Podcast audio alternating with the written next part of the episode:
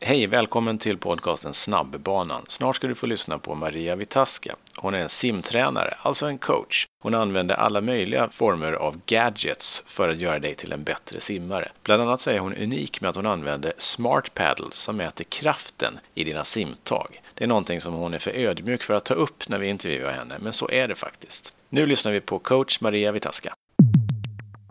Ja, ska vi köra igång då? Ja, jag ska, jag ska nog också bara ta bort den här videon för Jaha. det stör mig att behöva se Honsas ansikte där bakom mig. Ja, jag förstår. Perfekt. Bra, då kör vi igång. Hej och välkommen till podcasten Snabbbanan, Sveriges snyggaste podcast om simning. På andra sidan Skype-linan har vi vem? Maria Vitaska. Just det. Och varför ska vi prata med dig tror du? Ja, vi ska väl prata lite om eh, mitt företag, Coach Vitaska, skulle jag tro. Det stämmer bra det. Om vi börjar lite bakåt i tiden. Du har ju en framgångsrik elitkarriär bakom dig som simmare. Har du någon nytta av det eh, med tanke på att du nu är tränare? Jo, men absolut. Eh, framförallt tror jag att det har hjälpt att jag höll på att simma ganska länge. Jag simmade ända tills jag var 25. Och jag tycker ändå att de senaste åren av min karriär var ju de där jag lärde mig allra mest eh, som simmare och som jag har haft med mig sen också nu när jag är tränare. På vilket sätt lär du dig mest då på slutet? Jag tror det handlar om en mognadsgrej också att man har simmat så pass mycket att eh, ja, man känner eh, vattnet på ett annat sätt och kan relatera till det på ett annat sätt än när man är, är ung. Och eh, sen hade jag ju också förmånen att ha väldigt duktiga tränare på slutet av min karriär när jag var i USA. Så det hjälpte ju också väldigt mycket att ha ja, tränare som förklarar och liksom ville att man som simmare skulle lära sig varför man tränar som man gör. Annars finns det ju en föreställning att, att coacher i USA är ganska bestämda och fyrkantiga, men så var det inte för dig alltså. Ja, både ja och nej. Jag tror, ehm, eller min college coach ehm, var väl ganska fyrkantig egentligen men väldigt kunnig, påläst och eh, framförallt väldigt villig att dela med sig om varför vi tränar som vi gjorde och inte bara gör det för att jag säger det utan han, han tog sig tiden att förklara om man nu ville veta varför. Vi tränar ju extremt mycket och extremt hårt och eh, vet man varför man gör det så är det ju lättare att ta sig igenom det tycker jag. Vad var största skillnaden mellan träningen som du gjorde i USA och den som du hade gjort i Sverige innan? framförallt att man jobbar mycket mer på detaljerna, mycket mer med eh, vändningar, Eh, undervattensarbete, starter. Eh, det var väl de bitarna som jag eh, ja, såg störst skillnad på när det gäller min egen simning. Jag har ju alltid simmat mycket och simmat långt eh, ända sedan jag var ung men men just i USA blev det mycket mer fokus på att göra detaljerna rätt och få till en lite bättre teknik, alltså mer effektiv teknik i att ta sig igenom eh, alla metrar eller yards.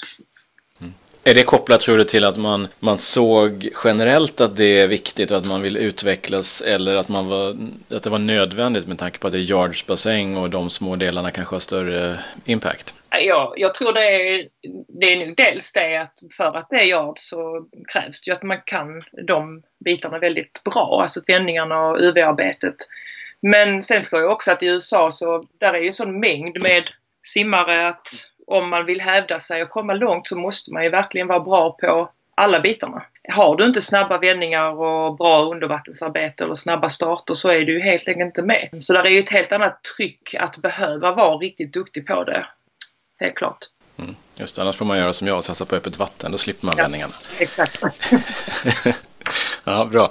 Och, och nu är du då alltså coach. Och vad skulle du vilja säga är eh, liksom din coachfilosofi? Min filosofi är en sak jag brukar säga att ska man göra något ska man göra det ordentligt. Och eh, jag tror mycket på det att man ska inte göra någonting bara för att utan eh, varje träning ska ha ett syfte och man ska ha ett fokus. Man ska bygga vidare på sina skills eh, under hela terminen och ja, hela tiden vilja jobba på att bli bättre även på små saker samtidigt som man tränar upp alla, alltså pumpen och eh, ja, uthålligheten och styrka och allt det här. Det ena utesluter ju inte det andra liksom. Och Du har, ju, du har ju varit tränare ett tag och tränat både barn och ungdomar och nu också vuxna. Vad är största skillnaden mellan att ta sig an de, den typen av adepter? Mm. Alltså att träna vuxna är ju väldigt tacksamt för att vuxna som väljer att eh, lägga tid och pengar på sin träning, de, de är väldigt motiverade och gör det ju verkligen för sin egen skull. Ehm, så att det, det är ju väldigt skoj att få jobba med vuxna på det sättet för att de tar ju åt sig allt man, man vill att de ska lära sig och ehm, ja men det är en helt annan motivationsnivå. Ehm, sen det är ju väldigt skoj att jobba med barn också och ungdomar tycker jag. Fast det, det kräver ju lite mer tålamod kanske. Mm. De, de kanske inte alltid har valt helt själva och så tonårshormoner så kanske man inte är superladdad alltid. Nej, och sen jag menar simning är ju en jobbig sport. Det är ju många timmar och det är många längder fram och tillbaka. Det är klart att träningen inte alltid är jätterolig. Ehm, men man, eh, jag tror att barn och ungdomar, eller ungdomar kanske inte har riktigt det här lång, långsiktiga tänket att ja, men det jag gör idag, även om det är jobbigt och tråkigt, så kommer det ge mig någonting om en månad eller två eller om ett halvår. Ehm. Eller, eller om tre år. Ja, exakt. Eh, det här att det, det, man gör idag ska gynna längre fram är kanske inte alltid så lätt att övertyga de unga om. Eh, vuxna är en annan sak. Ja, precis. Känner du att det är det skillnad nu bland ungdomar än vad det var för 15-20 år sedan eller var det så då också? Mm. Ja, jag tror så jag skulle säga att det är kanske lite annorlunda. Man måste motivera ungdomar på ett annorlunda sätt numera. Eh, de är ju vana vid att liksom kunna få det de vill ha väldigt snabbt så att säga. Eh, eller tillgång till saker väldigt snabbt. Eh, vi, när vi var unga så, ja man fick ju vänta ibland om man ville ha reda på någonting om jag vet inte, om simning eller whatever. Man fick gå till biblioteket och beställa någonting liksom, så man vänta på det. Eh, det. Det finns ju inte idag riktigt utan allting är ju instant och på gott och ont så man får ju eh, försöka motivera dem på, på annat sätt tror jag. Mm. Den eh, typexemplet av adept eller kund eller ja, simmare som du hjälper och coachar nu, vem, vem är det? Har du liksom medelsnittet? Jag har dels kunder inom eh, man säger, tävlingssimningen, ehm, ungdomar, juniorer främst. Ehm, men jag jobbar även med, lite med triatleter både i eh, landslaget och eh, man säger motionärerna. Jag har en grupp som tränar två gånger i veckan på morgonen och det är vuxna. Eh, väldigt blandade bakgrunder, det är, eller egentligen blandat målsättning. En del vill bara bli snabbare på simma, en del, vill, eh, en del kommer att tävla swimruns, några kommer att tävla öppet vatten, några kommer att tävla triathlon. Så det är egentligen det är ganska så stor spridning just nu. Jag hade väl först tänkt att fokusera mer mot triathlon, eh, swimruns. Eh, men det har ändå blivit ett bra gensvar när det gäller simklubbarna också. Så det kommer nog bli både och tror jag. Mm. Varför anlitar de dig, eh, simklubbarna, istället för att använda sina egna tränare? Av, ja, av egen erfarenhet så vet jag att när man, när man är tränare på heltid och framförallt om man kanske är chefstränare eller eh, tränare med lite större ansvar så man har alltid som ambition att man vill göra testserier, man ska filma och man ska utvärdera det och analysera och, och sen efter det så ska man göra uppföljningar och så vidare. Men på något sätt så det prioriteras alltid ner för att det kommer så mycket annat som har med föreningslivet att göra.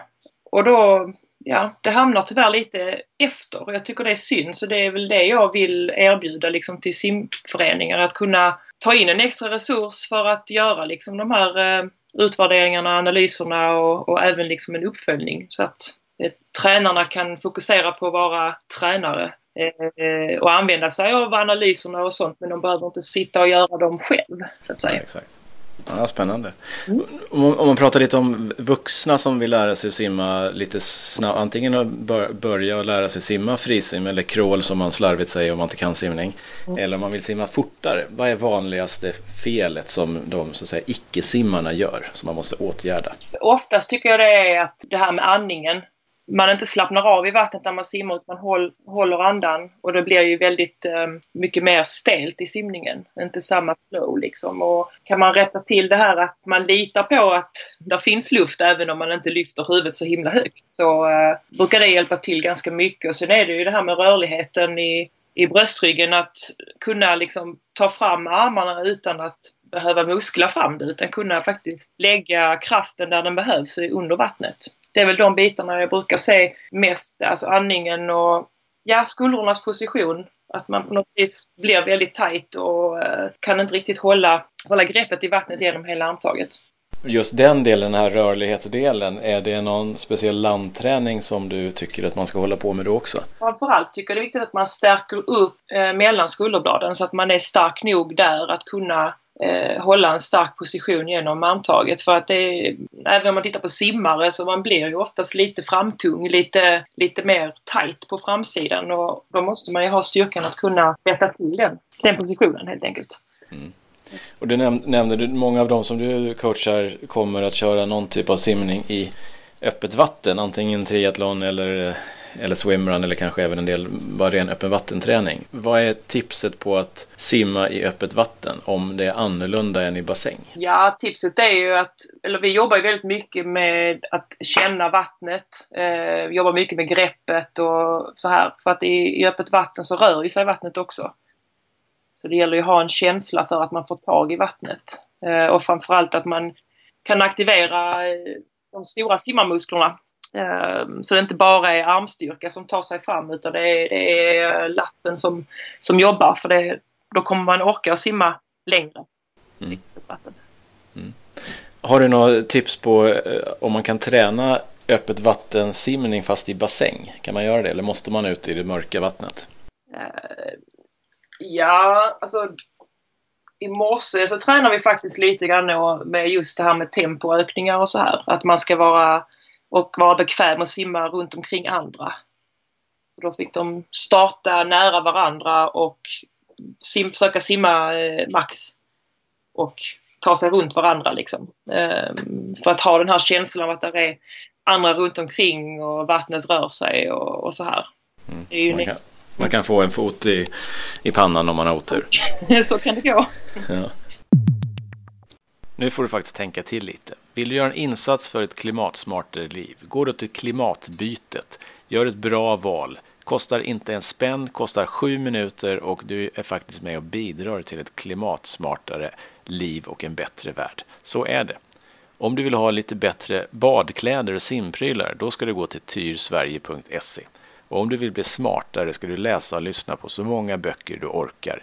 Du gör det absolut lättast på nextstory.se. Ladda ner appen och testa gratis. nextstory.se.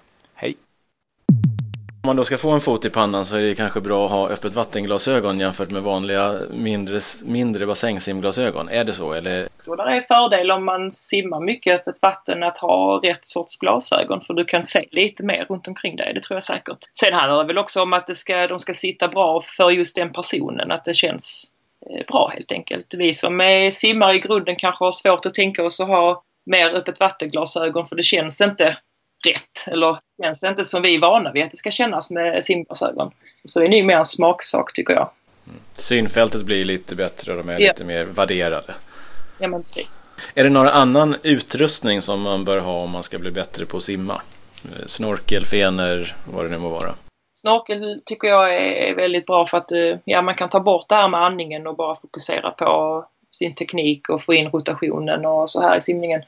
Um, vi, jag jobbar rätt mycket med paddlar fast kanske inte traditionellt för att bli starkare utan mer för att uh, kunna um, ha någonting att fysiskt trycka mot och hitta grepp och så här. Så vi, vi kör mycket så här enarmssimning med paddlar för att det ska vara lite extra tungt för att man tvingas mer in i att använda latsen då för att ta sig framåt till exempel. Uh, och paddlar använder vi mycket och uh, Eh, även fenor fast fenorna är också mer för, en, eh, för teknik. Att kunna liksom koppla bort benen men ändå ha lite, lite fart med sig så att säga och fokusera på att göra armtagen lite mer avslappnat och så vidare. Mm. Om du kör ett simträning för de här som kör två gånger i veckan som vuxna som ska bli lite bättre. Har du någon favoritserie som man kan sno och kopiera? Som den där kan man återanvända? Mm, jag har ju en favoritserie just för mer långdistans men det, den har jag väl inte gjort med den här gruppen än. För den, den är bra för att få lite begrepp om hur man pacear sig själv. Så kör man 800 meter eh, aerobt och kollar av på klockan om man nu har en klocka att eh, vid halv, vad du har för tid vid halvvägs men också vad du har för tid vid 600 meter. Så ska du försöka simma negativt att andra halvan är, är eh, snabbare än första och sen simmar du en 600 då ska du vara snabbare än vad du var vid 600 på 800 ja. Simmar du den negativt också och sen gör man 400 och 200 på samma sätt. Så 200 till slut blir ju ganska snabb för att du ska hela tiden simma snabbare och snabbare men ändå hålla koll på att du inte går över till maxfart så att säga. Det är väl en sån en serie som jag har använt mig av många gånger med mina simmare och jag själv har simmat många gånger också som jag tyckte gav en bra känsla av fart. Mm. 8642, det är 2000, mm. 2000 meter. Ja. Och kolla tiden och då ska man ju såklart kolla tiden på klockan på, uppe på väggen och inte någon konstig armklocka. armklocka? nej, det har man inte. Nej, det har man inte. Nej, nej, nej bra. Bra. Vad, eh, om man simmar i öppet vatten, våtdräkt, har du någon koll på vad man måste tänka på då? Nej, egentligen inte. Jag, jag själv tycker inte om att simma med våtdräkt för det känns alldeles för restriktivt. Men, men eh, jag, den våtdräkten jag har har ju inga ärmar. Eh, okay. För jag tycker det känns som att det blir alldeles för tungt. Men det är ju bara en smaksak. Mm. Eh, men nej, jag har inte speciellt mycket koll på våtdräkt och sådär. Vilket som gäller, så att säga. Sen blir ju tekniken lite annorlunda. Jag vet, det blir ju lite bredare armtag och inte lika lätt att få djupet i draget heller. Ja, man ligger ju högre upp än vad man är van så att eh, det känns ju lite annorlunda. Så det är, det är bra att eh, testa några gånger innan man ska simma ett lopp liksom. Att man känner att det känns, eh, hur det känns helt enkelt. Precis. Ett tips är att faktiskt köra i bassäng bara med en stor dolme för då flyter man upp ja. eh, väldigt mycket också. inga paddlar. Det blir lite annorlunda. Ja. Mm. Om man ska åka på träningsläger, har du något tips på var man ska åka då om man är vuxen simmare? Om jag har något speciellt favoritställe? Ja. Mm. Jag, jag tycker väldigt mycket om eh, Mallorca. Jag gillar, eh, jag ska dit eh, på läger om två veckor faktiskt. Eh, så det, men det är ett av mina favoritställen annars när det är här i, i Sverige så ja, antingen på, ja, som i Blekinge då i Karlshamn där vi var i nu innan i helgen och eh, annars på västkusten är också väldigt fint tycker jag. Det finns många fina ställen. Mm. Och finns ganska många utomhus 50 som man kan använda som inte är alltför upptagna. Nej, mm. Vad har du för, om man ser om fem, fem år eller tio år, hur, vilken typ av tränare vill du vara då? Ja, då vill jag väl helst jobba fullt ut som teknikspecialist så att säga. Så att jag eh, har lagt rätt mycket fokus nu detta året på att vidareutbilda mig själv och vill fortsätta med det liksom till att kunna vara riktigt vass på det här med eh, teknikanalyser och så. Mm. Teknikspecialist och eh, förhoppningsvis dyra konsultarvoden men väl värt det. Ja, absolut värt det. Bra. Jag är nöjd. Är du nöjd? Jag är nöjd. Bra. Tack, då säger vi tack och hej till Maria. Tack och hej. Innan du stänger av den här lilla podcasten så vill vi att du ska lyssna på några meddelanden.